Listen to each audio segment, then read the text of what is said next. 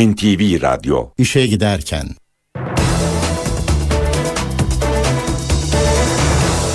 Mutlu sabahlar. Ben Aynur Altunkaş. Bugün 9 Ekim Salı işe giderkenle karşınızdayız. Saat 9'a kadar Türkiye ve dünya gündemindeki gelişmeleri paylaşacağız. Gazete manşetlerini, ekonomideki son verileri, yol ve hava durumlarını aktaracağız. Önce gündemin öne çıkan başlıklarına bakalım.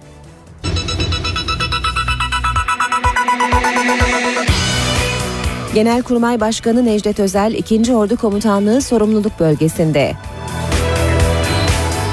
Hatay Hacıpaşa'ya 24 saat içerisinde Suriye'den iki havan topu düştü.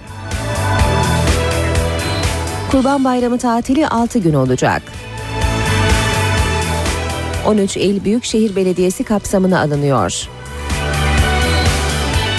Almanya Başbakanı Merkel bugün Yunanistan'a gidiyor. İşe giderken gazetelerin gündemi.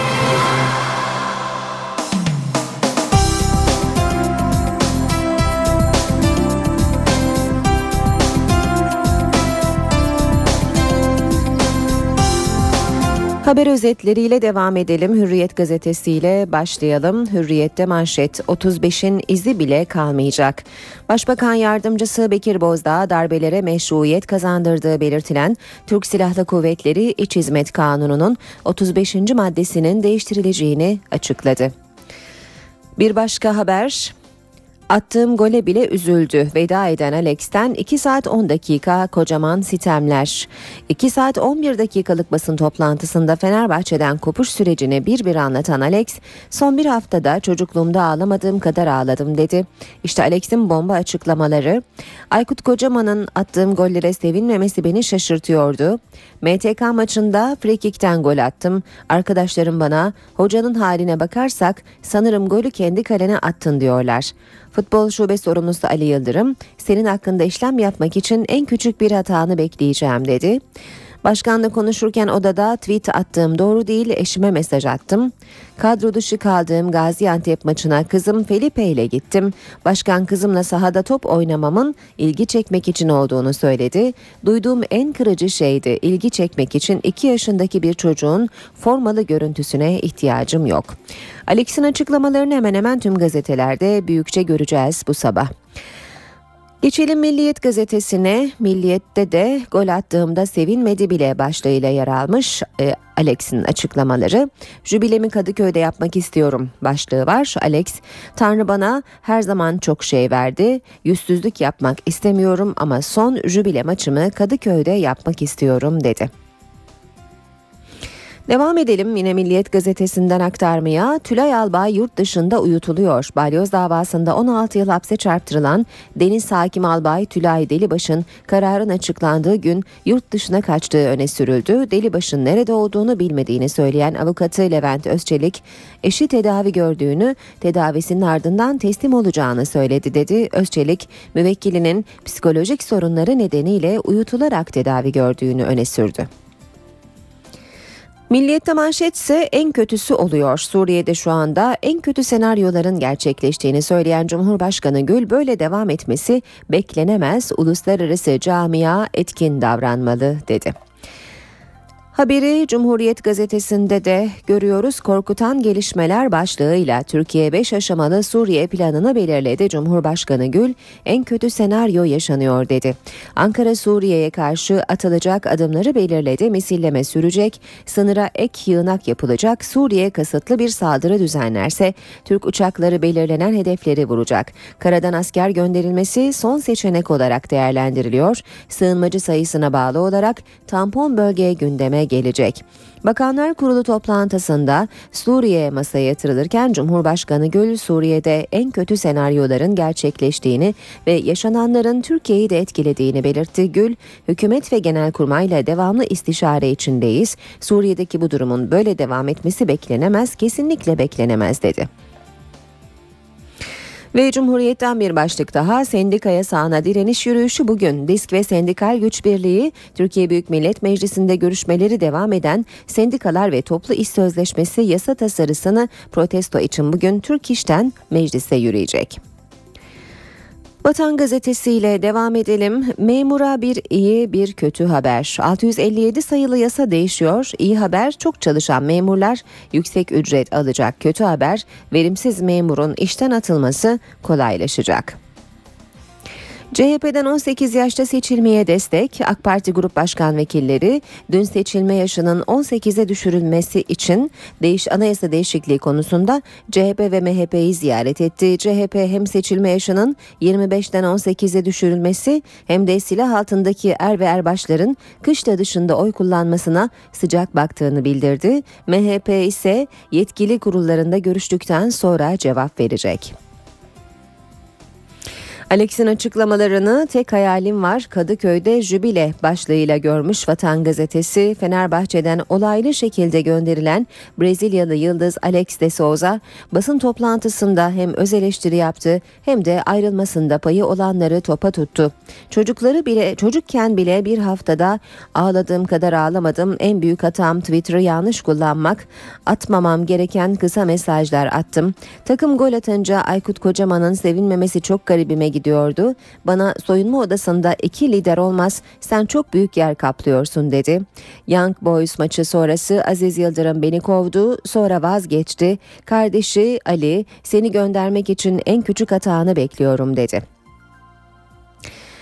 Devam ediyoruz yine e, basın özetlerine vatanın ardından geçiyoruz akşam gazetesine.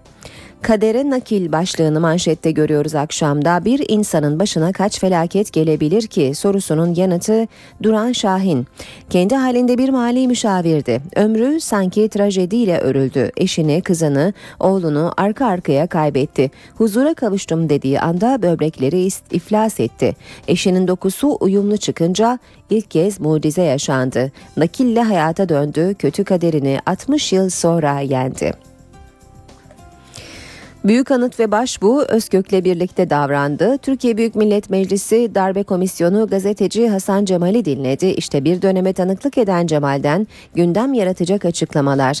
28 Şubat'ta açık darbe isteyenler başarısız olunca AK Parti'den sonra Sarı Kız, Ay Balyoz, Ergenekon gibi darbe tertipleri oluşmaya başladı. Büyük Anıt ve Başbuğ'un Genelkurmay Başkanı Özkök'le birlikte hareket etmeleri o dönemdeki darbe girişimlerinin başarısızlığa uğramasında önemli bir etken. Devam edelim Habertürk gazetesiyle. Habertürk'te Genel Müdür birazdan arar başlığını manşette görüyoruz. Sözleriyle tartışma yaratan Diyarbakır Emniyet Müdürü basın toplantısı sonrası yanındakilere böyle espri yaptı. Recep Güven'i yakından tanıyan bir emniyet müdürü anlattı. Abdülkadir Aygan'ın itirafçı olmasında en büyük katkı onun Ergenekon operasyonunda karargahtaki adamdı. Artık kolluktaki anlayış bu. Siirt Emniyet Müdürü olması başbakanın kararıdır. Açıklamadan sonra genel müdür beni birazdan arayabilir diye espri yaptı.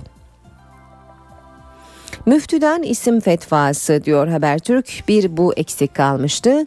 Samsun müftüsü Kur'an'da var diye her isim çocuğa konmaz açıklaması yaptı.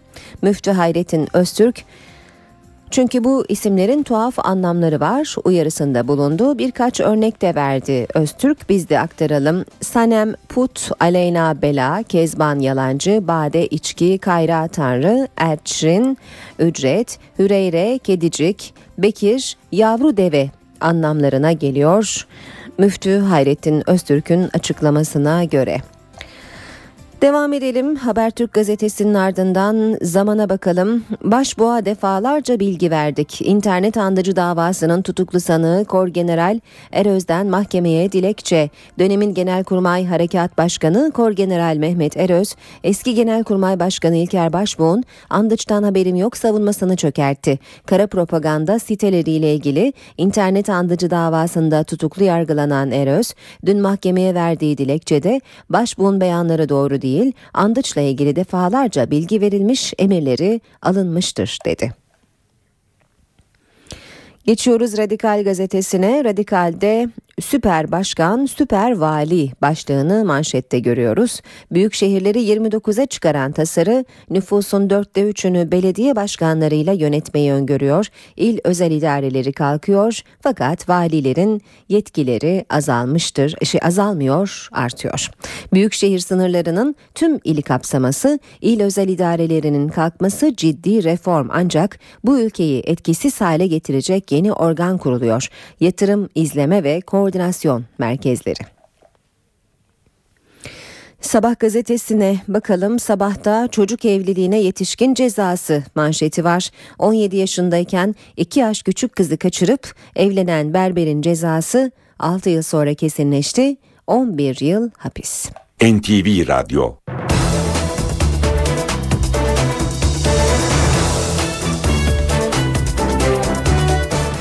Saat 7.16 NTV Radyo'da işe giderken gündemin ayrıntılarıyla sürüyor. Genelkurmay Başkanı Orgeneral Necdet Özel, 2. Ordu Komutanlığı sorumluluk bölgesine sürpriz bir ziyaret gerçekleştiriyor. Özel önce Adana'ya gitti. Akşam saatlerinde de İskenderun'a geçti. Orgeneral Özel'e Kara Kuvvetleri Komutanı Orgeneral Hayri Kıvrıkoğlu ve 2. Ordu Komutanı Orgeneral Galip Mendi de eşlik ediyor. Genelkurmay Başkanı önce Adana'da 6. Kolordu Komutanlığı'nda briefing aldı. Komutanlar daha sonra İskenderun'a geçti. Komutanların birkaç gün daha bölgede kalacakları, Hatay ve Urfa'da Suriye sınırı boyunca konuşlanan askeri birliklerde denetlemelerde bulunacakları öğrenildi. Genelkurmay Başkanı'nın sınıra gerçekleştirdiği bu ziyaret Suriye'ye bir mesaj olarak yorumlanıyor. Orgeneral Özel geçen haftada 3. Ordu bölgesinde denetlemelerde bulunmuştu. Dün Suriye'den atılan havan topları Hatay'ın Hacıpaşa beldesine düştü. Can ya da mal kaybı olmadı. Ancak mevsimlik işçiler yakınlarına düşen havan topu nedeniyle korkulu anlar yaşadı. Hatay'ın Hacıpaşa beldesine 24 saat içerisinde iki havan topu düştü. Türk askeri anında karşılık verdi. Hedefler topla vuruldu. Önce pazar gecesi bir havan topu düştü. Yaklaşık 2 metre çapında bir krater oluşmuş yarım metre derinliğinde. Şarapnel parçaları da bölgedeki tek tek toplandı.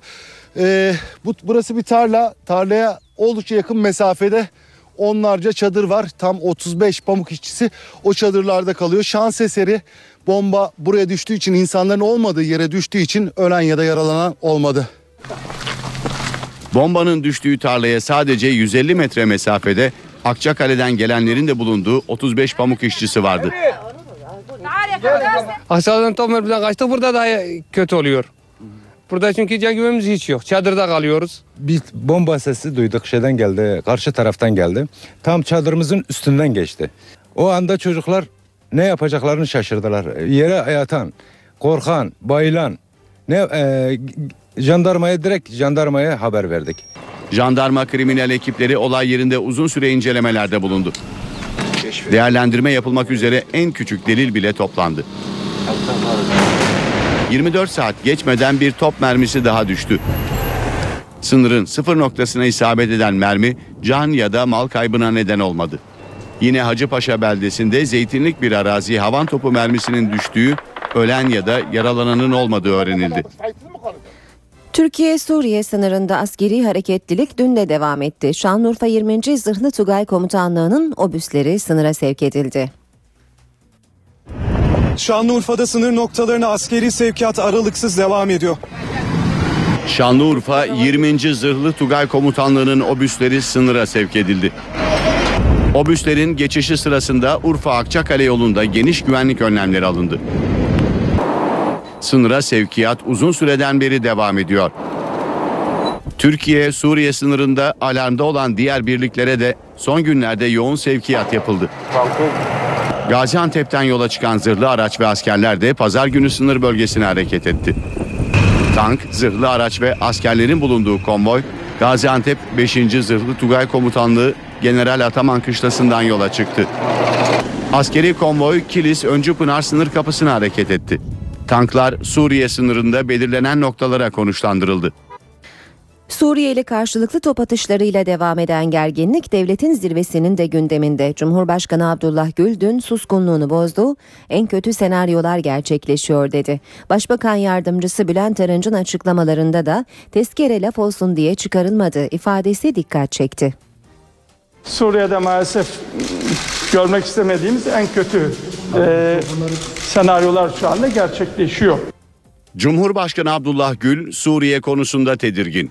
Gül karşılıklı top atışları ve çıkarılan tezkereyle ilgili gazetecilerin sorularını yanıtladı. Hükümet ve genelkurmayla istişare içindeyiz. Ne gerekiyorsa yapılıyor dedi. Suriye'deki bu durumun böyle devam etmesi beklenemez, kesinlikle beklenemez. Dolayısıyla eninde sonunda bir değişiklik olacaktır, bir geçiş olacaktır.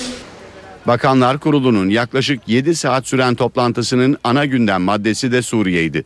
Şüphesiz bu tezkere laf olsun diye çıkarılmamıştır. Bu yetki dostlar alışverişte görülsün yetkisi de değildir. Tezkereyi aldık. Bundan sonrası savaş diye hiç kimsenin aklına gelmesin. Başbakan yardımcısı tezkerenin hangi koşullarda kullanılacağı sorusuna da yanıt verdi. İcabı halde kullanılmak üzere bir yetki almıştır hükümetimiz. İcabı halin ne olduğunu da kendisi takdir edecektir. En azından şunu söylemeliyim.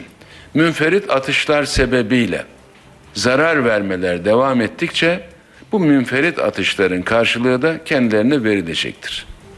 Ancak başka bir şekil almaya başladığı takdirde Türkiye bu yetkideki sınırlarını sonuna kadar zorlamak suretiyle karşılığını da verebilir. Arınç, Türkiye'nin sığınmacı sayısı konusunda limiti olmadığını da söyledi.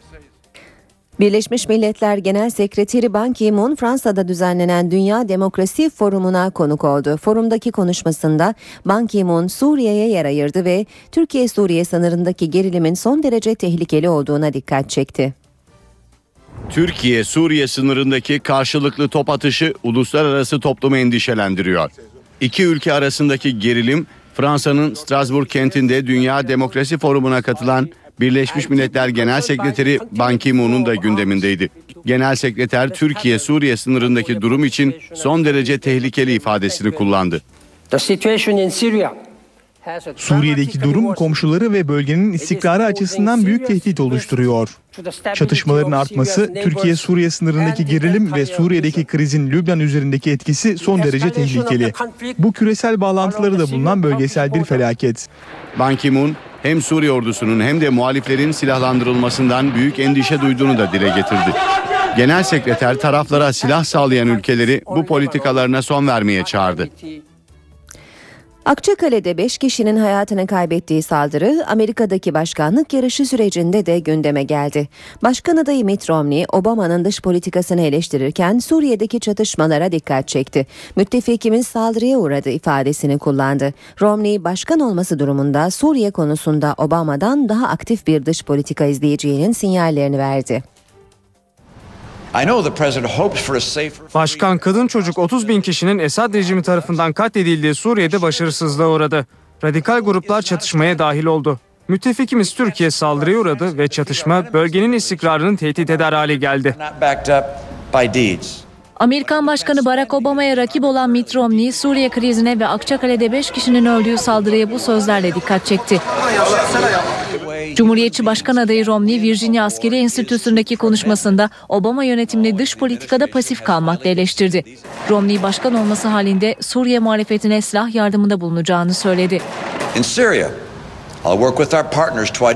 Biz Suriye'de partnerlerimizle birlikte çalışarak bizim değerlerimizi paylaşan muhalefet üyelerine Esad'ın tankları, helikopterleri ve jetlerini yenmeleri için ihtiyaç duydukları silahları sağlayacağız. İran Esad'a silah gönderiyor. Çünkü Esad'ın gidişinin kendisi için stratejik bir mağlubiyet olacağını biliyor. Mitt Romney, Amerika'nın Bingazi konsolosluğuna düzenlenen saldırının da Obama'nın dış politikasının bir sonucu olduğunu ileri sürdü.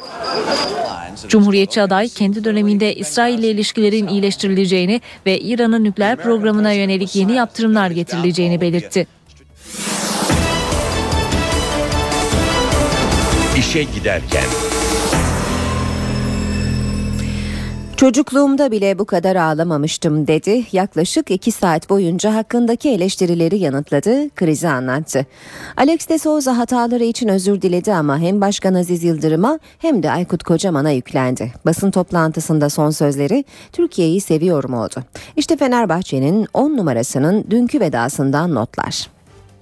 Fenerbahçe'nin 10 numarası Alex günlerdir beklenen basın açıklamasını yaptı. Takımla sözleşmesi feshedilen yıldız futbolcu konuşmasına taraftara teşekkür ederek başladı. Pazartesi günü sözleşmemi feshettikten sonra taraftarın gösterdiği reaksiyonu rüyalarımda bile göremezdim. Onlara çok teşekkür ediyorum. Çocukken bile son hafta ağladığım kadar ağlamamışımdır. Çok duygulandım. Alex ilk olarak kendi hatalarını sıraladı, üzgün olduğunu söyledi. En büyük hatam kulübü yaralayacak davranışlarda bulunmam oldu. Twitter'ı yanlış bir şekilde kullandım. Bir de bana verilen borcu yoktur kağıdı var. O konuda Ali Yıldırım'la tartışmamız olmuştu. O konuda da öyle davranmamalıydım. Özellikle bundan dolayı para için oynuyor gibi şeylere maruz kaldım. Ancak usta oyuncunun hedefinde esas olarak teknik direktör Aykut Kocaman vardı. Aykut Kocaman'la teknik direktör olduğunda problemlerimiz başladı. Futbol görüşümüz çok farklıydı. Vaslui maçının ardından ben bir patlama yaşadım. 18 yıllık kariyerim boyunca birçok insanla tartışma yaşadım ama en ağırı buydu. Kasımpaşa spor maçı sonrasında soyunma odasında futbolcularla toplantı yaptık. Sonrasında Aykut Hoca beni çağırdı ve soyunma odasında iki lider olmaz dedi. Kendisiyle son görüşmem bana kadro dışı kaldığımı iletirken oldu. Ve kulüp başkanı Aziz Yıldırım. Alex kulüp başkanıyla hep net bir ilişkileri olduğunu hatırlattı. Bu nedenle müteşekkirim dedi ama bazı kırgınlıkları da vardı. Gaziantep maçında kadro dışıydım. Maça oğlum Felipe ile gittim. Başkan çocuğumla yedek kulübesi önüne geldiğim için çocuğu kullanıp ilgi odağı olmaya çalışmakla suçladı. Bu da hayatım boyunca bir yöneticiden duyduğum en kırıcı şeydi. Tanrı'ya şükür herhangi bir kimsenin ilgisini çekmek için iki yaşında bir çocuğun formalı görüntüsüne ihtiyacım yok benim. Alex ayrıca başkanın Almanya maçı öncesi havalimanında yaptığı açıklamalara da yanıt verdi. Evet, geç kaldık. İstanbul gibi bir yerde 15 dakikalık gecikme normal. 7 Eylül'den beri görüşmeyi bekleyen de benim. Bunun karşısında 15 dakika çok büyük sayılmaz. Odasına girerken tweet attığımı söylüyor. Bu doğru değil. Eşimle konuşuyordum. Kalmak istiyorsan kalabilirsin ama takımla çalışamazsın dedi. Ben de gitmek istiyorum dedim. Elini uzattı, teşekkür etti. Ben de elimi uzattım. Sözleşme bu şekilde bitti. Alex takımdan ayrıldıktan sonra Başbakan Recep Tayyip Erdoğan'ın kendisini aradığını ve başarılı geçmişi için teşekkür ettiğini de söyledi. Başbakanın ricasını da söyledi. Türkiye'den ayrılacağın tarihi ve saati lütfen bana bildir dedi Başbakan Erdoğan. Alex, Fenerbahçe'de oynadığı süre boyunca tercümanlığını yapan ve son krizinde yakın tanığı olan ve istifa eden Samet Güzel'e ise özellikle teşekkür etti. Ve basın toplantısının perde arkası. Alex basını da eleştirdi. Ama bu açıklamaları yaparken karşısında deyim yerinde ise bir basın ordusu vardı. Alex'in hemen yanında ise her önemli olayda olduğu gibi yine eşi Dayan vardı. Tüm sorulara içtenlikle ve sabırla yanıt verdi. Türkiye'yi çok seviyorum dedi ve yine duygusal bir şekilde veda etti. Fenerbahçe'de Alex de Souza'nın ayrılmasının ardından tercüman Samet Güzel de görevini bıraktı. Brezilya'da oyuncunun tercümanlığını yapan Samet Güzel, kulüpteki görevinden istifa ettiğini açıkladı. Samet Güzel istifasını Twitter hesabından duyurdu. Güzel, büyük bir gururla senelerdir emek verdiğim kulübün Fenerbahçe'den kendi isteğimle ayrılmış bulunuyorum ifadelerini kullandı. Samet Güzel, 2006 yılından bu yana Alex de Souza'nın tercümanlığını yapıyordu. İşe giderken devam ediyor. Az sonra spor haberlerine bakacağız. Kısa bir aramız var ama önce, öncesinde ise gündemin başlıklarını hatırlatalım.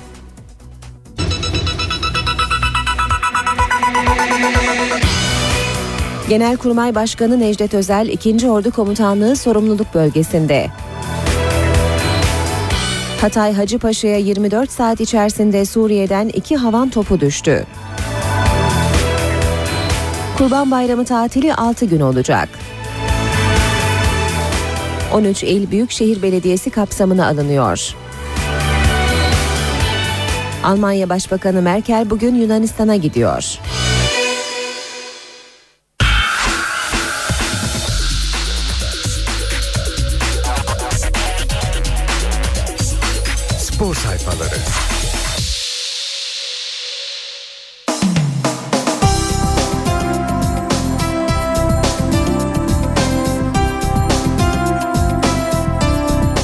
Spor gündeminden gelişmelerle devam edeceğiz. Gazetelerin spor sayfalarına bakacağız. Ön planda Alex'in dün yaptığı uzun basın toplantısı ve bu toplantıda yaptığı açıklamaları görüyoruz. Habertürk gazetesiyle başlayalım. Bombardıman demiş Habertürk 8 yılı 120 dakikaya sığdıran Alex de Souza tarihe ışık tutan basın toplantısında şok açıklamalar yaptı. Aykut Kocaman'a, Ali Yıldırım'a ve Aziz Yıldırım'a yönelik eleştirileri oldu. Alex'in Aykut Kocaman'a ilişkin olarak burası Türkiye idmanlar gelişmek için yapılmaz dedi. Kupayı kazandık tebrik bile etmedi. MTK maçında frikikten gol attım. Brezilya'daki arkadaşlarım hocanın haline bakılırsa kendi kalene attın sandık dediler. Soyunma odasında o kadar büyük yer tutuyorsun ki seni ayırmak zorundayım dedi. Bir kez beni hocası gibi hissettiğini söyledi. Bense onu hiç hocam gibi hissetmemiştim. Ali Yıldırım'a dönük eleştirileri şöyle Alex'in kulübe borcu yoktur yazısını imzalamadığım için tartıştım. Bu hataydı. Galatasaray maçında oynayabileceğimi söyleyerek Aykut Hoca'yı basının önüne attığımı söyledi. Onunla ilgili bir karar almak için en ufak hatasını bekleyeceğim mesajını gönderdi. Yüzüme söylemesini isterdim. Ve Aziz Yıldırım'a ilişkin açıklamaları Alex'in Young Boys maçından sonra kulüple ilişkini kes diyerek kovdu. Eşyalarımı toplarken Aykut Hoca kalmamı sağladı. Bunun için teşekkür ederim. Başkan aynı gün söylediğimi unut devam et diye konuştu. O sezon 28 golle kral oldum. Şampiyonluk kazandık. Oğlum Felipe ile topla oynayarak ilgi çekmeye çalıştığımı söyledi. Buna çok kırıldım. Soyunma odası kutsaldır. Hoca olursam başkanı içeri almam. Roman bile yazabilir başlığını görüyoruz. Ufak noktalara bakmasına rağmen çok akıcı konuşmaydı. Geçişler muazzamdı. Yazar titizliğiyle hazırlanmıştı. Gazeteciler ne haberler atlamışız diyerek şaştı kaldı. İnce ince taşlamalarıyla yine zekasını konuşturdu. Toplantıyı yüze yakın medya mensubu takip etti. Fenerbahçe TV geldi canlı yayın yapmadı. A2 maçını yayınladı diyor Habertürk.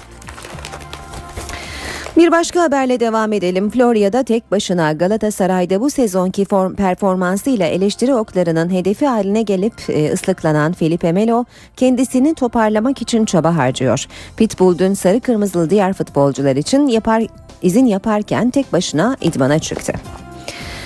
Hürriyet'in spor sayfalarıyla devam edelim.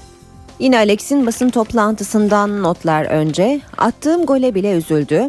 127 dakikada herkesi bombaladı. Sambacı Fenerbahçe'deki kavgaları ve iplerin nasıl koptuğunu anlattı. Alex de Souza kendisinden merakla beklenen açıklamaları yaparken hedefinde Aykut Kocaman vardı. Sana güveniyorum dedi yedek bıraktı. Şampiyonluğu kaçırdığımız Galatasaray maçı öncesi sana güveniyorum dedi. Sakatlığım geçti oynayacak duruma geldim ama oynatmadı. Kupayı kazandık bizi tebrik etmedi. Geçen sezon zor bir dönemdeydik. Başkan içerideydi. Bursa Spor'la kupa maçına çıktık. 30 yıllık bir tabuyu yıktık. Maçtan sonra hocamız bizi tebrik etmedi. Takımla beraber İstanbul'a gelmedi. Bu da ilk günkü bana olan tepkisini hatırlattı. 30 yıl sonra bir kupa alıyoruz ama hoca takımla beraber dönmüyor bile. Bu davranışları bana garip geldi. Hoca olduğunda problemlerimiz başladı. Kararlarının hepsini kabul ettim ama hiçbirine de katılmadım şeklinde devam ediyor Alex'in Aykut Kocaman'la ilgili açıklamaları. Kendi ağzından yaptığı hatalar şöyle. En büyük hatam kulübü yaralayacak davranışlarda bulunmamdı. Bunlardan biri tweetleri, Twitter'ı yanlış kullandım. Bir diğeri telefon mesajları. Mesajlarımın içeriği yanlış değildi ama o kişilere göndermemem gerekirdi. Parayı hiç düşünmedim. Borç yoktur kağıdı konusunda Ali Yıldırım'la tartıştım. Tartışmasam daha iyi olurdu. Çünkü bu olaydan dolayı parayı ön planda tuttuğum suçlamasına uğradım. Primler kulüpte düşük maaşla çalışanlar için önemliydi. Para düşkünü olsam söylendiği gibi takımdan ayrı çalışır. Mayıs ayına kadar paramı tıkır tıkır alırdım ama insan hak ettiği parayı almalı. Beni iki yıl önce de kovmuştu. Başkan Aziz Yıldırım 4 Ağustos 2010'daki Young Boys maçı sonrası Alex'i göndermiş. Eşi Dayan yanından da hiç ayrılmadı bu arada basın toplantısı sırasında. Devam ediyoruz. Basın özetlerine Hürriyet gazetesinden aktarmayı sürdürelim. Aman kurtar bizi Q7. Alınan kötü sonuçlar siyah beyazlı yönetimi çark ettirdi. Kuarejma affedildi. Beşiktaş Başkanı Fikret Orman şartlar ne olursa olsun gemimizi Samet Aybaba'ya emanet ettik açıklamasında da bulundu. Ricardo Quaresma'nın geçtiğimiz sezon ligde attığı gol sayısı 5. Beşiktaş'ın bu sezon Quaresma'sız çıktığı 7 lig maçında e, kaybettiği puan 13 e, diye özetlemiş Hürriyet gazetesi. Fenerbahçe karşısında alınan yenilgiden sonra siyah beyazlılar Portekizli Yıldız'ı arayarak kampa katılabileceğini söyledi. Trabzon'da sessiz kapanış başlığı var. Hürriyet gazetesinde PTT 1. Lig'de 6. haftanın kapanış maçında 1461 Trabzon'la Manisa Spor karşılaştı. Mücadele golsüz eşitlikle sonuçlandı. Sen misin kötü oynayan? Takım arkadaşları izin yaparken Galatasaray'ın yıldızı Melo idmana çıkıyor. Devler Ligi'ndeki Cluj maçları kaderini tayin edecek. Transferi yılan hikayesine dönünce Cimbom'a 80 günlük tatilin ardından katılan ve ligin 7 haftasında vasatı aşamayan Brezilyalı Terim'in hazırladığı reçeteyle form tutmaya çabalıyor. Son olarak da Milliyet gazetesinin spor sayfalarına bakacağız. Yine önce Alex'in basın toplantısından notlara bakalım. Kadıköy'de jübile istiyorum. Fenerbahçe'nin ayrılışının kendi açısından beş bacağı olduğunu belirten ve sözünü hiç sakınmadan söyleyen Brezilyalı Yıldız, Tanrı bana her zaman çok şey verdi, yüzsüzlük yapmak istemiyorum ama son jübile maçımı Kadıköy'de yapmak isterim diye konuştu. Alex'in basın toplantısından e, notları diğer gazetelerden de aktarmıştık. Farklı haberlerle sürdürelim. Milliyetten Kuarejma gitti geldi başlığını görüyoruz. Beşiktaş yönetimi kadro dışı olduğu için 5 gün izin verdiği Kuarejma'nın ülkesine gitmesine izin verdi. Futbolcunun Portekiz'e gidişi sırasında af kararı alan yönetim Kuarejma'yı Antalya kampına çağırmak için bu oyuncunun menajeri Mendez'le temasa geçecek. Kuarejma ile ilgili kararı Aybaba verecek. Millilere stat. Türkiye Futbol Federasyonu Yönetim Kurulu üyesi Selim Koray sadece milli takımın maçlarını oynayabileceği bir stat düşündüklerini söyledi. Bunun için en kısa zamanda çalışmalara başlayacağız dedi. Elmander sancısı başlığı var yine milliyette Galatasaray'da İsveçli golcünün sakatlığını gerekçe göstererek Eskişehir maçında forma giymemesi krize yol açtı. Doktorların Elmander için terime oynamasında sakınca yok raporu verdiği belirtildi.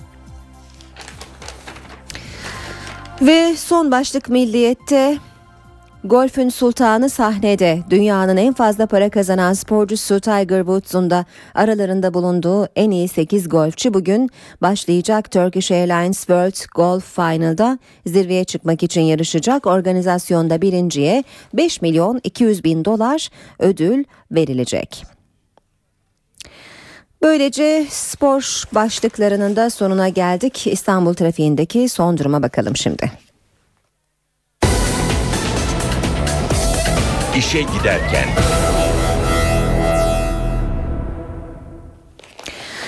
Köprülerle başlayalım. Fatih Sultan Mehmet Köprüsü'nde Anadolu Avrupa geçişinde Ataşehir gerisinden başlayan hatta Koz Yatağı'na kadar uzanan bir yoğunluk var ve köprü üzerine kadar devam ediyor bu yoğunluk. Ters yönde gişeler gerisinden başlayan bir yoğunluk var. Köprünün e, üzerinde yerini akıcı bir trafiğe bırakıyor. Boğaziçi Köprüsü'nde Anadolu Avrupa geçişinde yoğunluk Çamlıca'nın gerisinden başlıyor ve köprü üzerine kadar sürüyor. Sonrasında trafik açık. Ters yönde Avrupa Anadolu geçişinde Zincirli Kuyu'yu geçtikten sonra başlayan bir yoğunluk var ve bu yoğunluk köprü üzerine kadar etkili. Köprüden sonra yine akıcı bir trafik olduğunu görüyoruz. Bir kaza haberi verelim.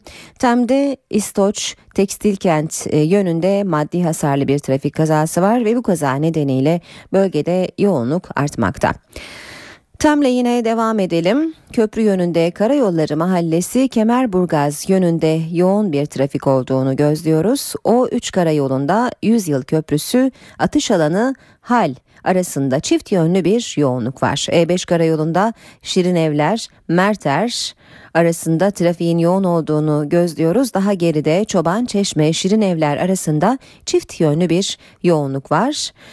Avcılar e, Hacı, Hacı Şerif ve Gümüşpınar arasında da yine çift yönlü bir yoğunluk olduğunu belirtelim. Anadolu yakasında E5 karayolunda trafik e, nispeten daha rahat Avrupa yakasına göre Pendik kavşağındaki çalışmalar sebebiyle bölgede trafik yoğun. Yanı sıra Maltepe Gülsuyu arasında yavaş ilerleyen bir trafik var. Bostancı Kozyatağı arasında ve devamında Göztepe Uzunçayır çayır arasında da yoğun bir trafik olduğunu görüyoruz bu sabah.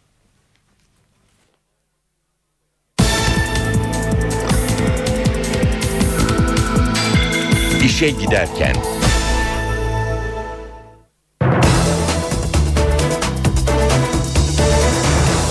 Gündeme yakından bakmaya devam edelim. 28 Şubat sürecinin planlandığı Batı Çalışma Grubu belgelerini emniyet istihbarata sızdırdığı iddiasıyla askeri mahkemede yargılanan ve beraat eden Kadir Sarmusak, Meclis Darbe ve Muhtıraları Araştırma Komisyonu'na çarpıcı açıklamalarda bulundu. Komisyon Sarmusak'ı diğer isimlerin aksine basına kapalı olarak dinledi. Sarmusak 28 Şubat sürecinde bazı komutanların borsaya yüklü miktarda para yatırdığını ve tanklar yürütülmeden önce borsadan çıktıklarını iddia etti. Bazı paşalar borsada spekülasyon yaptı. 28 Şubat sürecinde borsaya 100-150 bin dolar para yatırdılar. Daha sonra tanklar yürümeden önce borsadan çekildiler. Bu çarpıcı iddianın sahibi Batı Çalışma Grubu ile ilgili köstebek davasından yargılanıp beraat eden Kadir Sarmusak. Meclis Darbe ve Muhtaraları Araştırma Komisyonu Kadir Sarmusak'ı dinledi. Sarmusak, bazı komutanların 4 Şubat'ta tankların yürümesinden 24 gün önce borsadaki paralarını çektiklerini iddia etti. Sarmusak ayrıca Köstebek olayında kendisini ihbar eden kişinin 9. Cumhurbaşkanı Süleyman Demirel olduğunu da öne sürdü. Komisyon çıkışında gazetecilerin sorularını yanıtlayan Sarmusak, vatana olan son görevimi de yaptığımı düşünüyorum diye konuştu.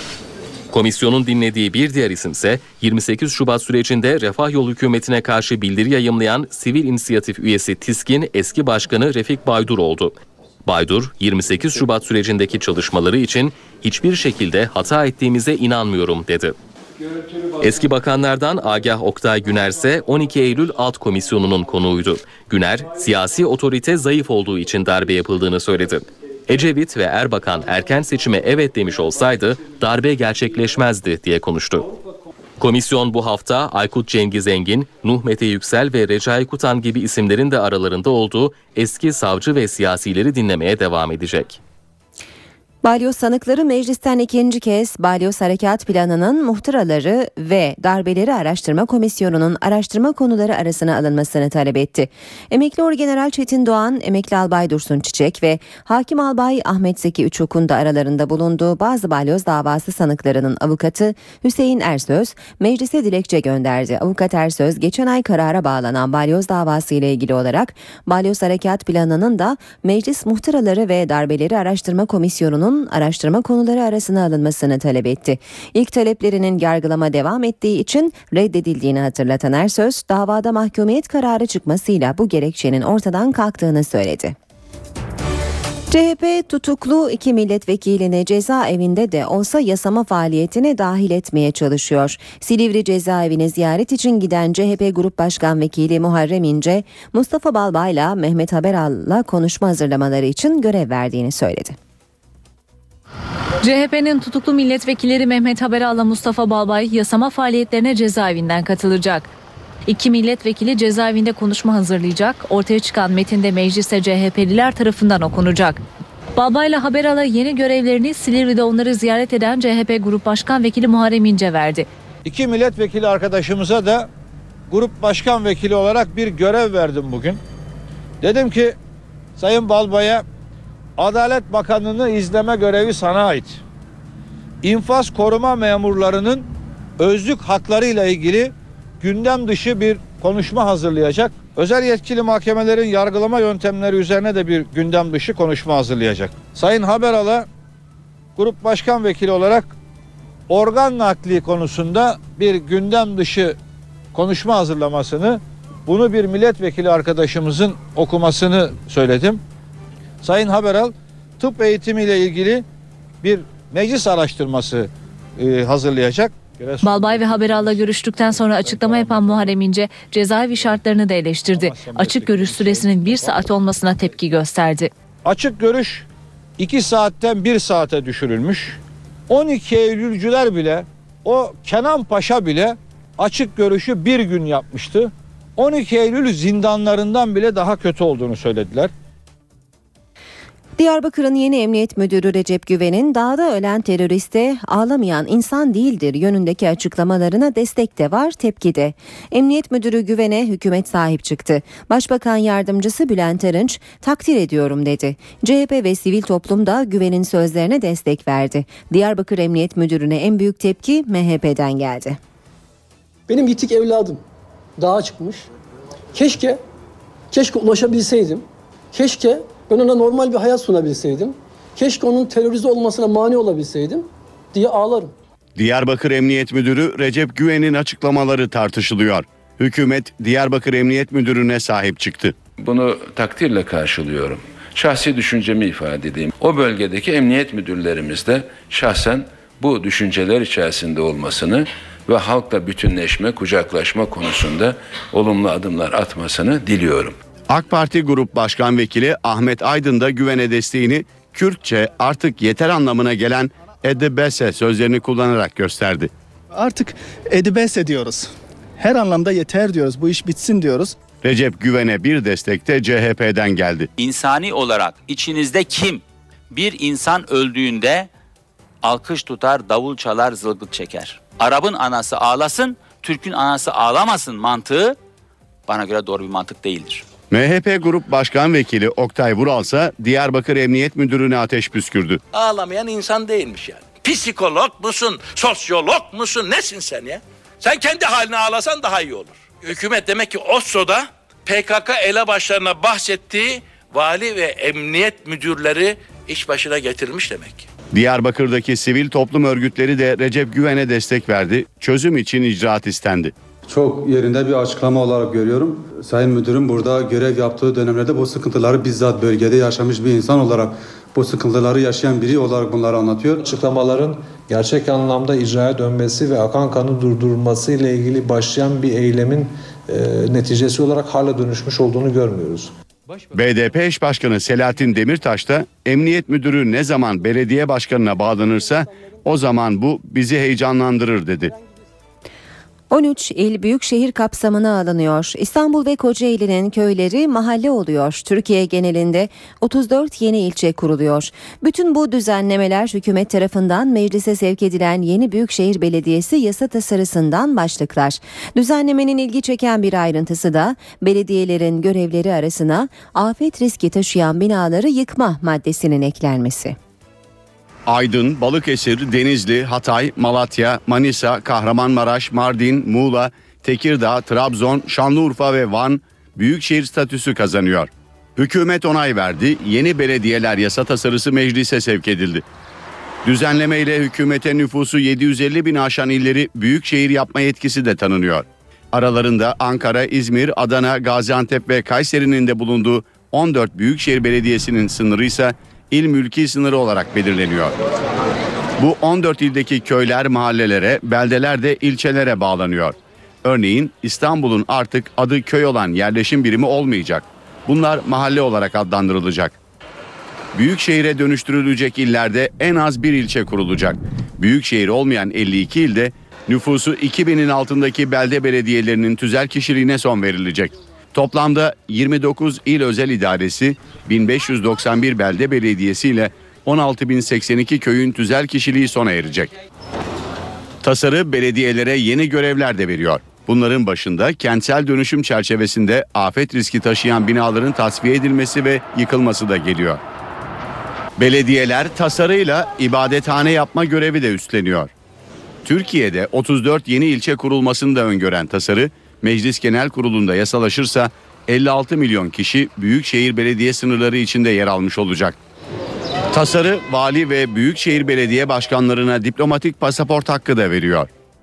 Kurban Bayramı tatili 6 gün yapılacak. Bayram boyunca köprü ve otoyollarla toplu taşımada ücretsiz olacak. Emekli dul ve yetim aylıklarının ödenmesi de bayram öncesine çekildi.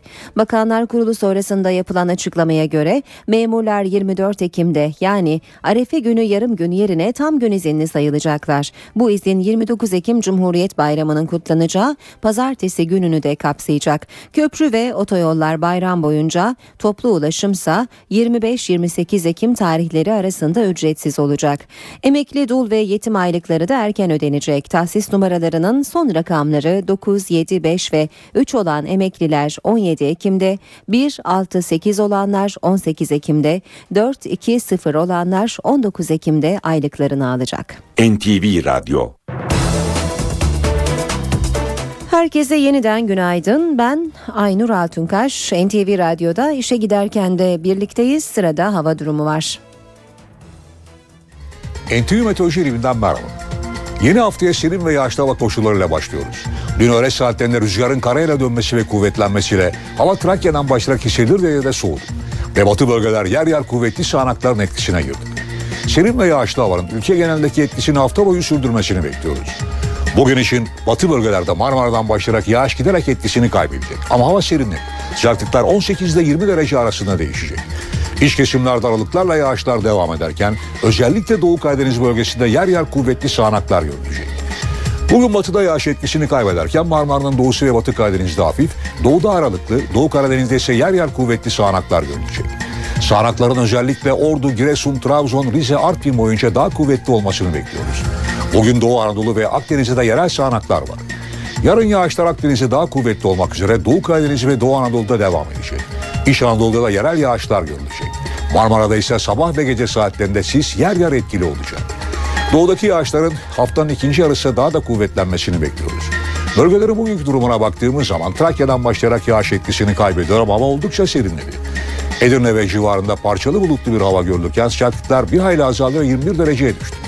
Çanakkale parçalı bulutlu, Balıkesir çok bulutlu, Bursa Sakarya arasında hafif yağış geçişleri görülecek. İzmir Muğla arasında parçalı bulutlu bir hava görülürken Denizli'de hava çok bulutlu. Kütahya'da ise aralıklarla yağış var. Isparta'da hafif yağış geçişleri görülürken Antalya ve civarında gök gürültülü sağanaklar var. Mersin Adana arasındaki sağanakların daha kuvvetli olmasını bekliyoruz. Ankara, Eskişehir, Konya, Niğde, Kayseri, Sivas boyunca İç Anadolu bölgesinde sıcaklıklar azalırken aralıklarla yağışlar da etkili olacak. Bolu'da aralıklarla yağış var. Zonguldak çok bulutlu ama Samsun'dan başlayarak özellikle Trabzon Artvin arasında gök gürültülü sağanakların daha etkili olmasını bekliyoruz. Malatya, Erzurum, Kars arasında aralıklarla yağış görülürken Vanakkari arasında hava çok bulutlu olacak. Güneydoğu'da sıcaklıklar azaldı.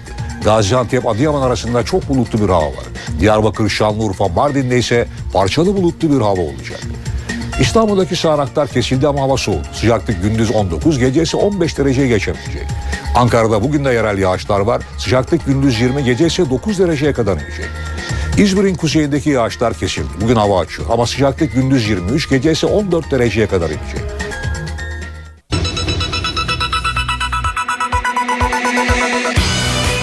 Genelkurmay Başkanı Necdet Özel 2. Ordu Komutanlığı sorumluluk bölgesinde. Hatay Hacıpaşa'ya 24 saat içerisinde Suriye'den iki havan topu düştü. Kurban Bayramı tatili 6 gün olacak. 13 il Büyükşehir Belediyesi kapsamına alınıyor. Almanya Başbakanı Merkel bugün Yunanistan'a gidiyor. İşe giderken gazetelerin gündemi.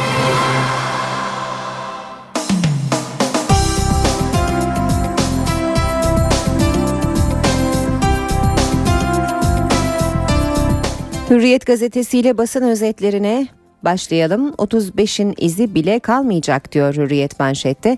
Başbakan yardımcısı Bekir Bozdağ darbelere meşruiyet kazandırdığı belirtilen Türk Silahlı Kuvvetleri İç Hizmet Kanunu'nun 35. maddesinin değiştirileceğini açıkladı.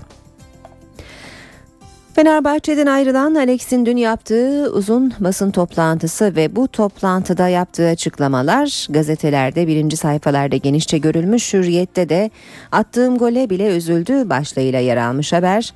Veda eden Alex'ten 2 saat 10 dakika kocaman sitemler. Toplantıda Fenerbahçe'den kopuş sürecini bir bir anlatan Alex son bir haftada çocukluğumda ağlamadığım kadar ağladım dedi. İşte Alex'in bomba açıklamaları. Aykut Kocaman'ın attığım gollere sevinmemesi beni şaşırtıyordu. MTK maçında frikikten gol attım. Arkadaşlarım bana hocanın haline bakarsak sanırım golü kendi kalene attın diyorlar. Futbol şubesi sorumlusu Ali Yıldırım senin hakkında işlem yapmak için en küçük hatanı bekleyeceğim dedi. Şeklinde devam ediyor Hürriyet'te haber. Devam edelim. %55 zaferi başlığıyla Venezuela'da yapılan devlet başkanlığı seçimini 14 yıldır iktidarda bulunan 58 yaşındaki Hugo Chavez %55 ile kazandı. Milliyetle devam edelim. Milliyetten aktaracağımız ilk başlık manşette en kötüsü oluyor. Suriye şu an Suriye'de şu anda en kötü senaryoların gerçekleştiğini söyleyen Cumhurbaşkanı Gül, böyle devam etmesi beklenemez. Uluslararası camia etkin davranmalı dedi. Gül Suriye'de en kötü senaryoların gerçekleştiğini ve halkın acı çektiğini söyledi. Yaşananların Türkiye'yi de etkilediğini belirten Gül, hükümetimiz ve genelkurmayla devamlı istişare içindeyiz. Ne gerekiyorsa onlar da gördüğümüz gibi anında yapılıyor zaten. Bundan sonra da yapılmaya devam edilecek dedi. Gol attığımda sevinmedi bile başlığıyla Alex'in açıklamalarına yer vermiş Milliyet gazetesi de ve jübilesini Kadıköy'de yapmak istediği şeklindeki sözleri de Alex'in başlığa çekilmiş. Açıklamalarına Milliyet gazetesinden de e, bakalım. Aykut Kocaman bana soyunma odasında iki lider olmazsan büyük bir yer tutuyorsun. Seni takımdan ayırmak zorundayız dedi. Bana sadece bir kez kendisini hocam gibi hissettiğini söyledi. En büyük hatam kulübü bazı anlar zamanlarda yaralayacak davranışlarda bulunmuş olmam, Twitter'ı yanlış bir şekilde kullandım. Bazı insanlara kısa mesajlar gönderdim. Göndermeseydim belki daha iyiydi. Milliyet gazetesinden aktardık. Geçelim Vatan gazetesine. Vatanda memura bir iyi bir kötü haber başlığını manşette görüyoruz. 657 sayılı yasa değişiyor. İyi haber çok çalışan memurlar yüksek ücret alacak. Kötü haber verimsiz memurun işten atılması kolaylaşacak. CHP'den 18 yaşa yaşta seçilmeye destek başlığı var. Yine vatanda AK Parti Grup Başkan Vekilleri dün seçilme yaşının 18'e düşürülebilmesi için anayasa değişikliği konusunda CHP ve MHP'yi ziyaret etti. CHP hem seçilme yaşının 25'ten 18'e düşürülmesi hem de silah altındaki er ve erbaşların kışla dışında oy kullanmasına sıcak baktığını bildirdi. MHP ise yetkili kurullarında görüştükten sonra cevap verecek. Geçelim Cumhuriyet gazetesine korkutan gelişmeler demiş Cumhuriyet'te manşette. Türkiye 5 aşamalı Suriye planını belirledi. Cumhurbaşkanı Gül en kötü senaryo yaşanıyor dedi. Ankara Suriye'ye karşı atılacak adımları belirledi. Misilleme sürecek, sınıra ek yığınak yapılacak. Suriye kasıtlı bir saldırı düzenlerse Türk uçakları belirlenen hedefleri vuracak. Karadan asker gönderilmesi son seçenek olarak değerlendiriliyor. Sığınmacı sayısına bağlı olarak tampon bölge gönderilmesi gündeme gelecek.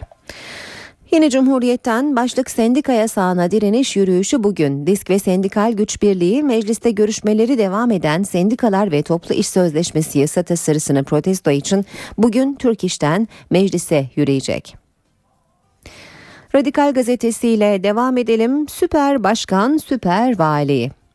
Büyük şehirleri 29'a çıkaran tasarı nüfusun dörtte üçünü belediye başkanlarıyla yönetmeyi öngörüyor. İl özel idareleri kalkıyor fakat valilerin yetkileri azalmıyor artıyor. Büyükşehir sınırlarının tüm ili kapsaması, il özel idarelerinin kalkması ciddi reform ancak bu ilkeyi etkisiz hale getirecek yeni organ kuruluyor. Yatırım izleme ve koordinasyon merkezleri. Yerel, yerelleşmeye aksak adım mı? Başlığı yer almış yine haberin yanında Türkiye yerel yönetim reformunu uzun süredir tartışıyor. Gündemdeki tasarı tartışmayı alevlendirecek gibi. Tasarıda yerele yetki devri anlamında maddeler de var. Merkezi güçlendirenler de. Tartışmanın odağında yeni kurulması planlanan Yatırım İzleme ve Koordinasyon Merkezi'nin yer, alım, e, yer alacağını bir kez daha duyuruyor Radikal. Kurulun başında valinin olması en önemli sorun olarak gösteriliyor. Akşam gazetesiyle devam edelim. Kadere nakil demiş akşam manşetinde bir insanın başına kaç felaket gelebilir ki sorusunun yanıtı Duran Şahin. Kendi halinde bir mali müşavirdi. Ömrü sanki trajediyle örüldü. Eşini, kızını, oğlunu arka arkaya kaybetti. Huzura kavuştum dediği anda böbrekleri iflas etti. Eşinin dokusu uyumlu çıkınca ilk kez mucize yaşadı. Nakille hayata döndü, kötü kaderini 60 yıl sonra yendi. Yine akşamdan okuyalım Büyük Anıt ve Başbuğ Özgök'le birlikte davrandı. Meclis Darbe Komisyonu gazeteci Hasan Cemal'i dinledi. İşte bir döneme tanıklık eden Cemal'den gündem yaratacak açıklamalar. 28 Şubat'ta açık darbe isteyenler başarısız olunca AK Parti'den sonra Sarı Kız, Ay Işığı, Balyoz, Ergenekon gibi darbe tertipleri oluşmaya başladı. Büyük Anıt ve Başbuğ'un Genelkurmay Başkanı Özgök'le birlikte hareket etmeleri o dönemdeki darbe girişimlerinin başarısızlığa uğramasına önemli bir etken. Haber Türkiye'ye bakalım. Haber Türk'te genel müdür birazdan arar başlığını manşette görüyoruz. Sözleriyle tartışma yaratan Diyarbakır Emniyet Müdürü basın toplantısı sonrası yanındakilere böyle espri yaptı. Recep Güven'i yakından tanıyan bir emniyet müdürü anlatıyor. Abdülkadir Aygan'ın itirafçı olmasında en büyük katkı onun Ergenekon operasyonunda karargahtaki adamdı. Artık kolluktaki anlayış bu. Siirt Emniyet Müdürü olması başbakanın kararıdır. Açıklamadan sonra genel müdür beni birazdan arayabilir diye espri yaptı. Müftüden isim fetvası başlığını görüyoruz Habertürk'te. Müftü Hayrettin Öztürk çünkü bu isimlerin tuhaf anlamları var uyarısında bulundu. Samsun müftüsü Kur'an'da var diye her isim çocuğa konmaz dedi ve örnek verdiği isimler arasında Sanem, Aleyna, Kezban, Bade, Kayra, Hüreyre, Bekir, Rümeysa gibi isimler yer aldı. Zaman gazetesine bakalım. Başbuğa defalarca bilgi verdik. İnternet andıcı davasının tutuklu sanığı Korgeneral Eröz'den mahkemeye dilekçe. Dönemin Genelkurmay Harekat Başkanı Korgeneral Mehmet Eröz, eski Genelkurmay Başkanı İlker Başbuğ'un andıçtan haberim yok savunmasını çökertti. Kara propaganda siteleriyle ilgili internet andıcı davasında tutuklu yargılanan Eröz, dün mahkemeye verdiği dilekçede Başbuğ'un beyanları doğru değil, andıçla ilgili defalarca bilgi verilmiş, emirleri alınmıştır dedi.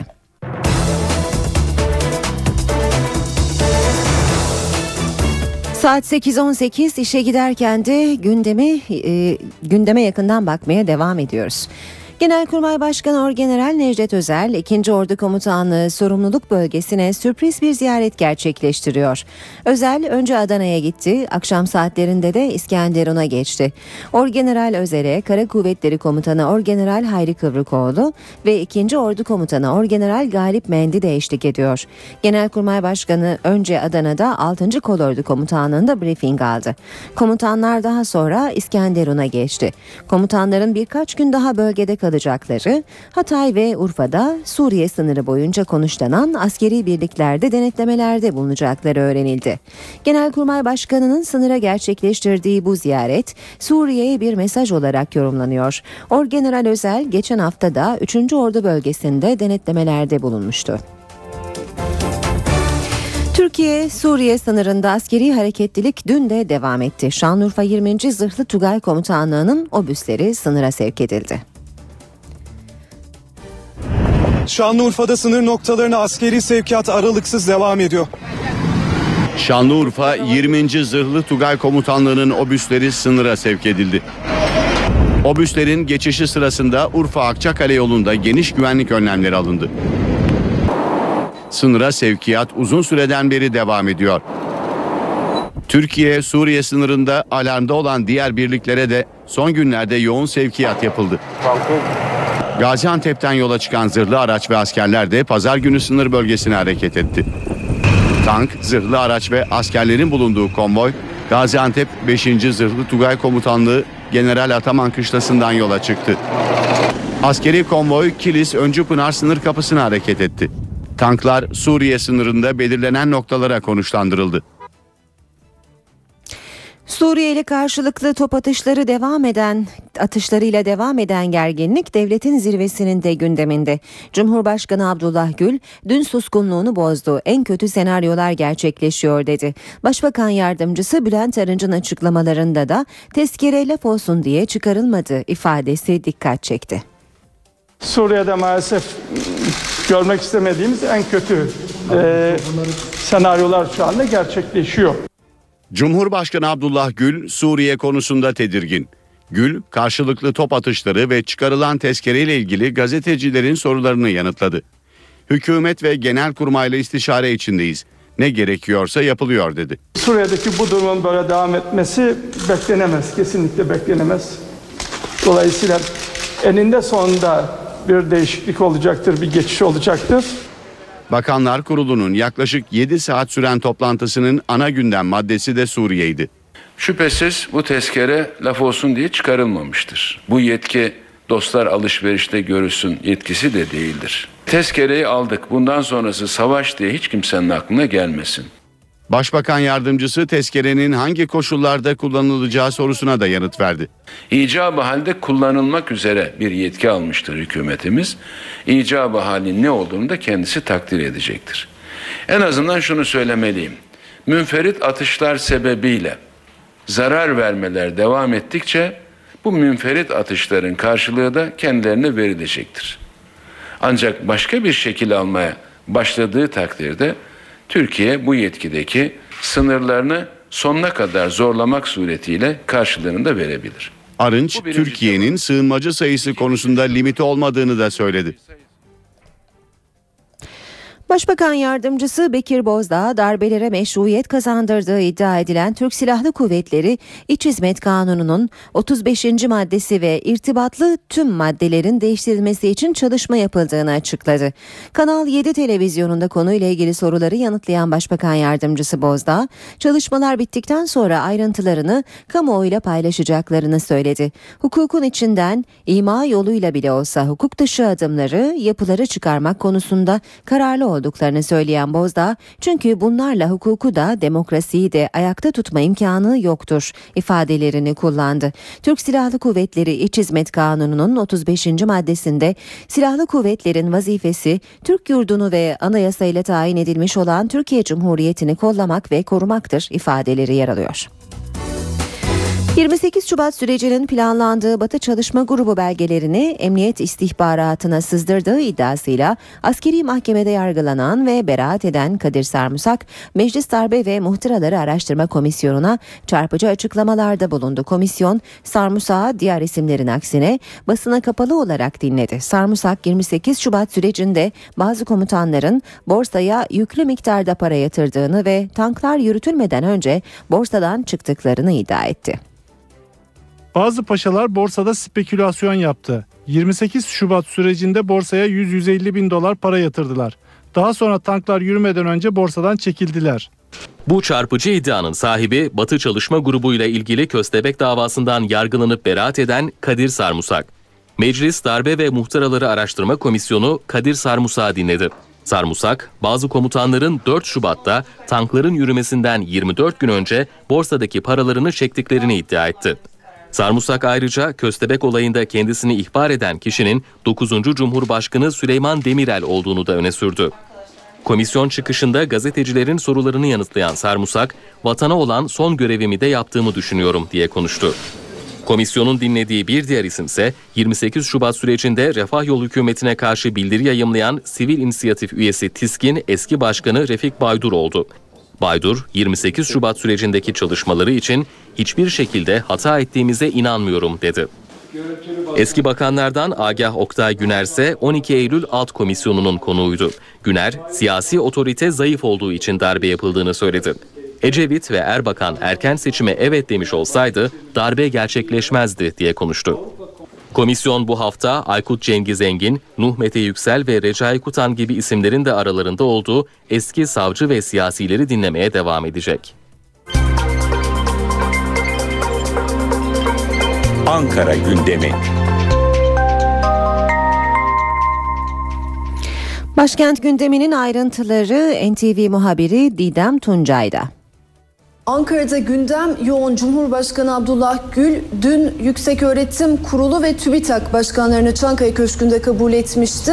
Bugün YÖK'ü ziyaret edecek. Yeni yüksek öğretim sistemi hakkında Cumhurbaşkanı'na briefing verilecek. Cumhurbaşkanı bugün ayrıca Macaristan'ın Ankara Büyükelçisi ve Norveç Parlamento Başkanı'yla da Çankaya Köşkü'nde bir araya gelecek. Konuk Parlamento Başkanı e, bugün Meclis Başkanı Cemil Çiçek ve Başbakan Recep Tayyip Erdoğan'la da görüşmelerde bulunacak. Başbakan Erdoğan'ın yabancı bir konuğu daha var. Avrupa Parlamentosu eski başkanı Konrad Adenauer Vakfı Başkanı Hans Pöttering'le görüşecek başbakan. Siyasetin gündemi ise partilerin meclis grup toplantılarında belirlenecek. Gözler liderlerin verecekleri mesajlarda olacak.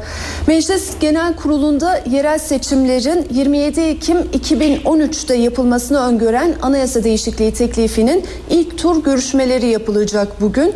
Mecliste e, darbe ve muhturaları araştırma komisyonu bünyesinde kurulan 28 Şubat 27 Nisan alt komisyonu da çalışmalarını sürdürüyor.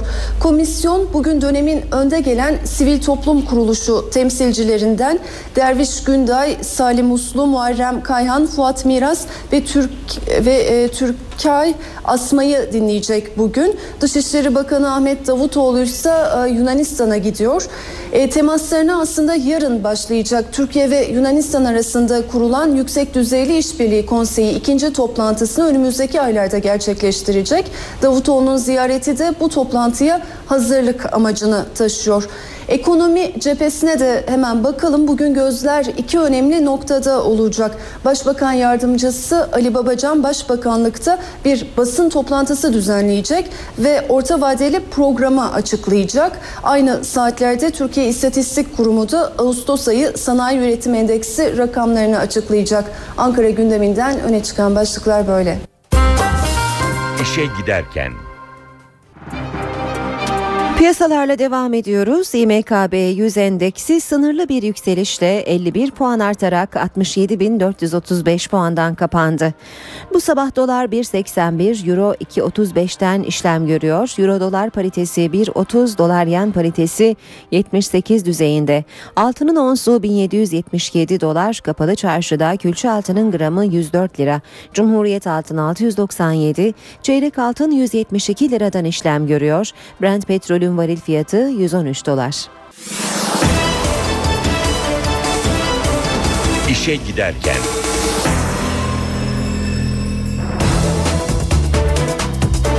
Şimdi İstanbul trafiğine bir kez daha bakalım saat 8.30 olmak üzere. Fatih Sultan Mehmet Köprüsü'nde Anadolu Avrupa geçişinde Küçük Bakkalköy'den başlayan bir yoğunluk var. Bu yoğunluk Ümraniye kavşağına kadar devam ediyor. Kavşağın bir e, süre daha ilerisine kadar devam eden bu yoğunluk sonrasında akıcı bir trafiğe bırakıyor yerini. Ancak Kavacığa yaklaşırken yeniden yoğunlaşıyor. Köprü sonrasında trafik açık. Avrupa Anadolu geçişinde yoğunluk Etiler katılımı ve gerisi üzerinden başlıyor ama köprü üzerinden sonra trafik oldukça rahat görünüyor. Yalnızca Ümraniye kavşağındaki çalışmalar sebebiyle kavşak yakınlarında yeniden yoğunlaşıyor.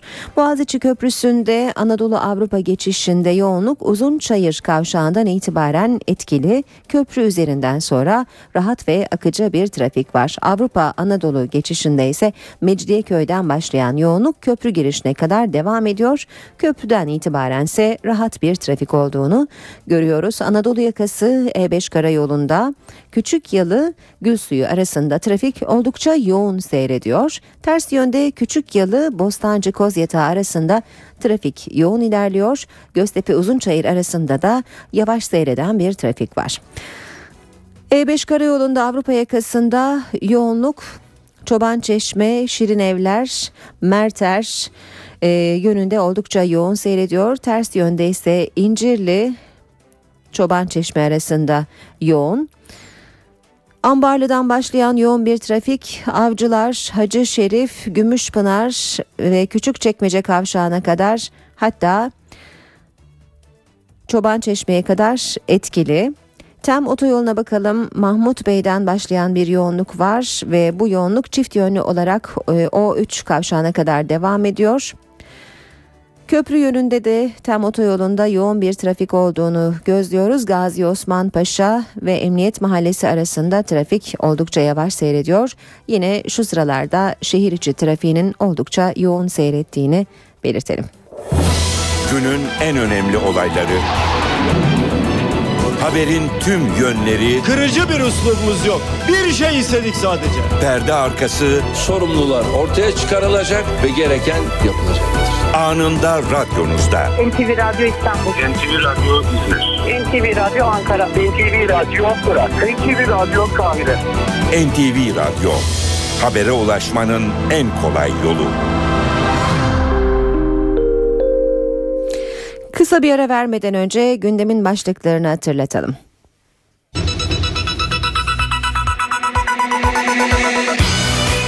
Genelkurmay Başkanı Necdet Özel 2. Ordu Komutanlığı sorumluluk bölgesinde. Hatay Hacıpaşa'ya 24 saat içerisinde Suriye'den iki havan topu düştü. Kurban Bayramı tatili 6 gün olacak. 13 il Büyükşehir Belediyesi kapsamına alınıyor. Almanya Başbakanı Merkel bugün Yunanistan'a gidiyor.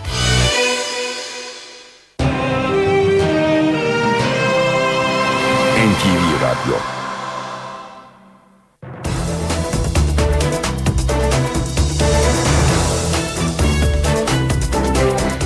...8.38 saat NTV Radyo'da işe giderken... ...Türkiye ve dünya gündeminin öne çıkan gelişmeleriyle devam ediyor. Büyükşehir olmak avantaj mı, dezavantaj mı? Meclise sunulan yeni Büyükşehir Belediyesi yasa tasarısı tartışmaları da beraberinde getirdi. Büyükşehir olması beklenen 13 kentte farklı görüşler hakim. Yeni belediyeler yasa tasarısının meclise sevkiyle 13 kentin büyük şehir olmasının yolu açılıyor. Haber söz konusu kentlerde heyecana neden oldu. Denizli'de genel görüş kararla birlikte gelişmenin önünün açılacağı yönünde. Şu an biraz daha hizmet yönünden farklılaşır, hızlanır. En azından bazı şeyler daha hızlanır. İyi olur tabii ya. Gelişir mi Denizli? Denizli yerinde durmuyor. Devamlı ilerliyor. Büyükşehir oluşu faydası olur tabii.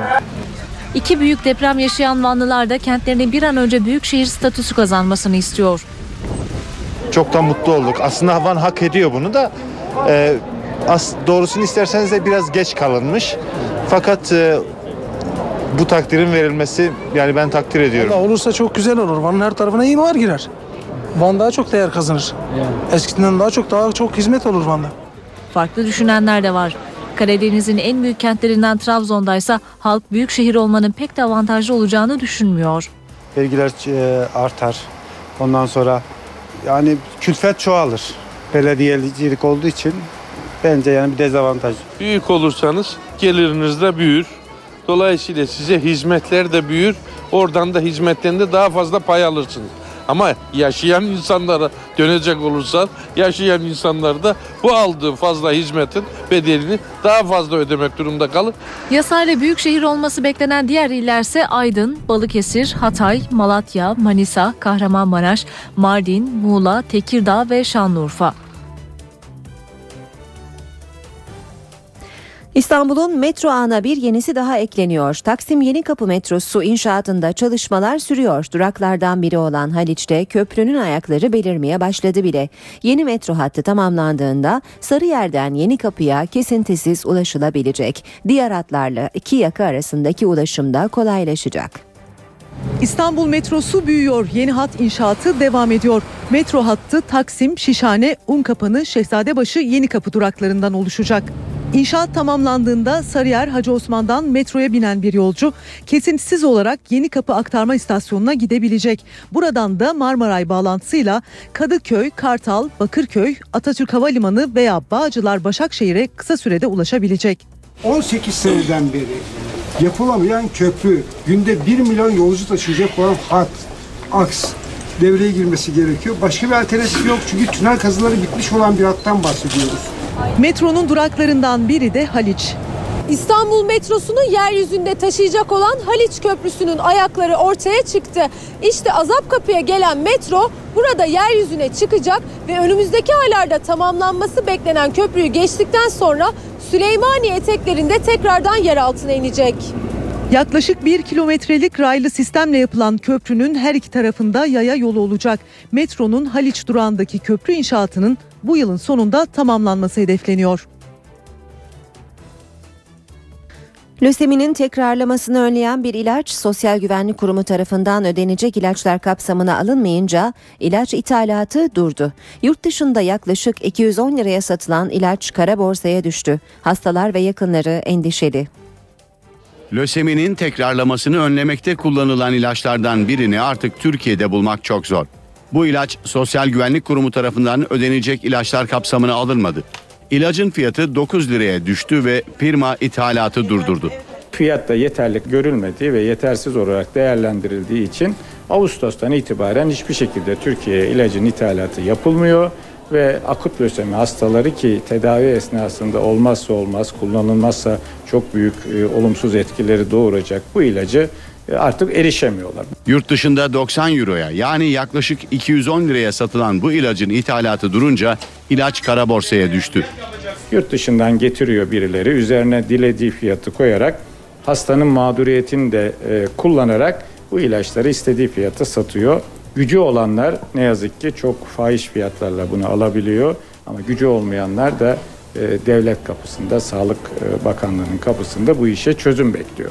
En akılcı ve en doğru çözüm olarak da ortaya çıkan şey Sağlık Bakanlığı'nın e, inisiyatifini ortaya koyarak bu ilacın tekrar Türkiye'ye bir şekilde yeniden ithal edilmesini sağlamak durumunda. Türk Eczacılar Birliği söz konusu ilacı bu hafta Perşembe gününe kadar temin edeceklerini açıkladı. Hastalar ithal ilaç temin birimine başvuru yapabilecekler. İşe giderkenin bugün de sonuna geldik. Programımızı kapatırken günün önemli haber başlıkları nelerdi kısaca hatırlayalım. Genelkurmay Başkanı Orgeneral Necdet Özel Suriye sınırına sürpriz bir ziyaret gerçekleştiriyor. Genelkurmay Başkanı'nın Güneydoğu bölgesine gerçekleştirdiği bu ziyaret Suriye'ye bir mesaj olarak yorumlanıyor. Diyarbakır'ın yeni emniyet müdürü Recep Güven'in dağda ölen teröristi ağlamayan insan değildir sözleri tartışılmaya devam ediyor. Emniyet müdürünün sıra dışı açıklamaları açıklamalarına destek geldiği gibi tepki de geldi. Recep Güven'in açıklamaları bugün de tartışılıyor. Gündemde dünden bu yana yerini koruyan maddelerden biri de Alex. Fenerbahçe'den ayrılan Alex de Souza dün yaptığı basın toplantısında yaklaşık 2 saat boyunca sevinçlerini ve kırgınlıklarını anlattı. Alex'in özellikle çocukluğumda bile bu kadar ağlamamıştım cümlesi toplantının en dikkat çeken ayrıntılarından biriydi. Hemen hatırlatalım bu arada Kurban Bayramı tatili 6 gün oluyor. Tatilde köprü, otoyollar ve toplu ulaşım bedava. Emekli dul ve yetim aylığı da erken ödenecek. İşe giderkenden bugünlük de bu kadar. Saat başında gelişmelerle yeniden karşınızda olacağız. Ben Aynur Altunkaş. Hoşçakalın. NTV Radyo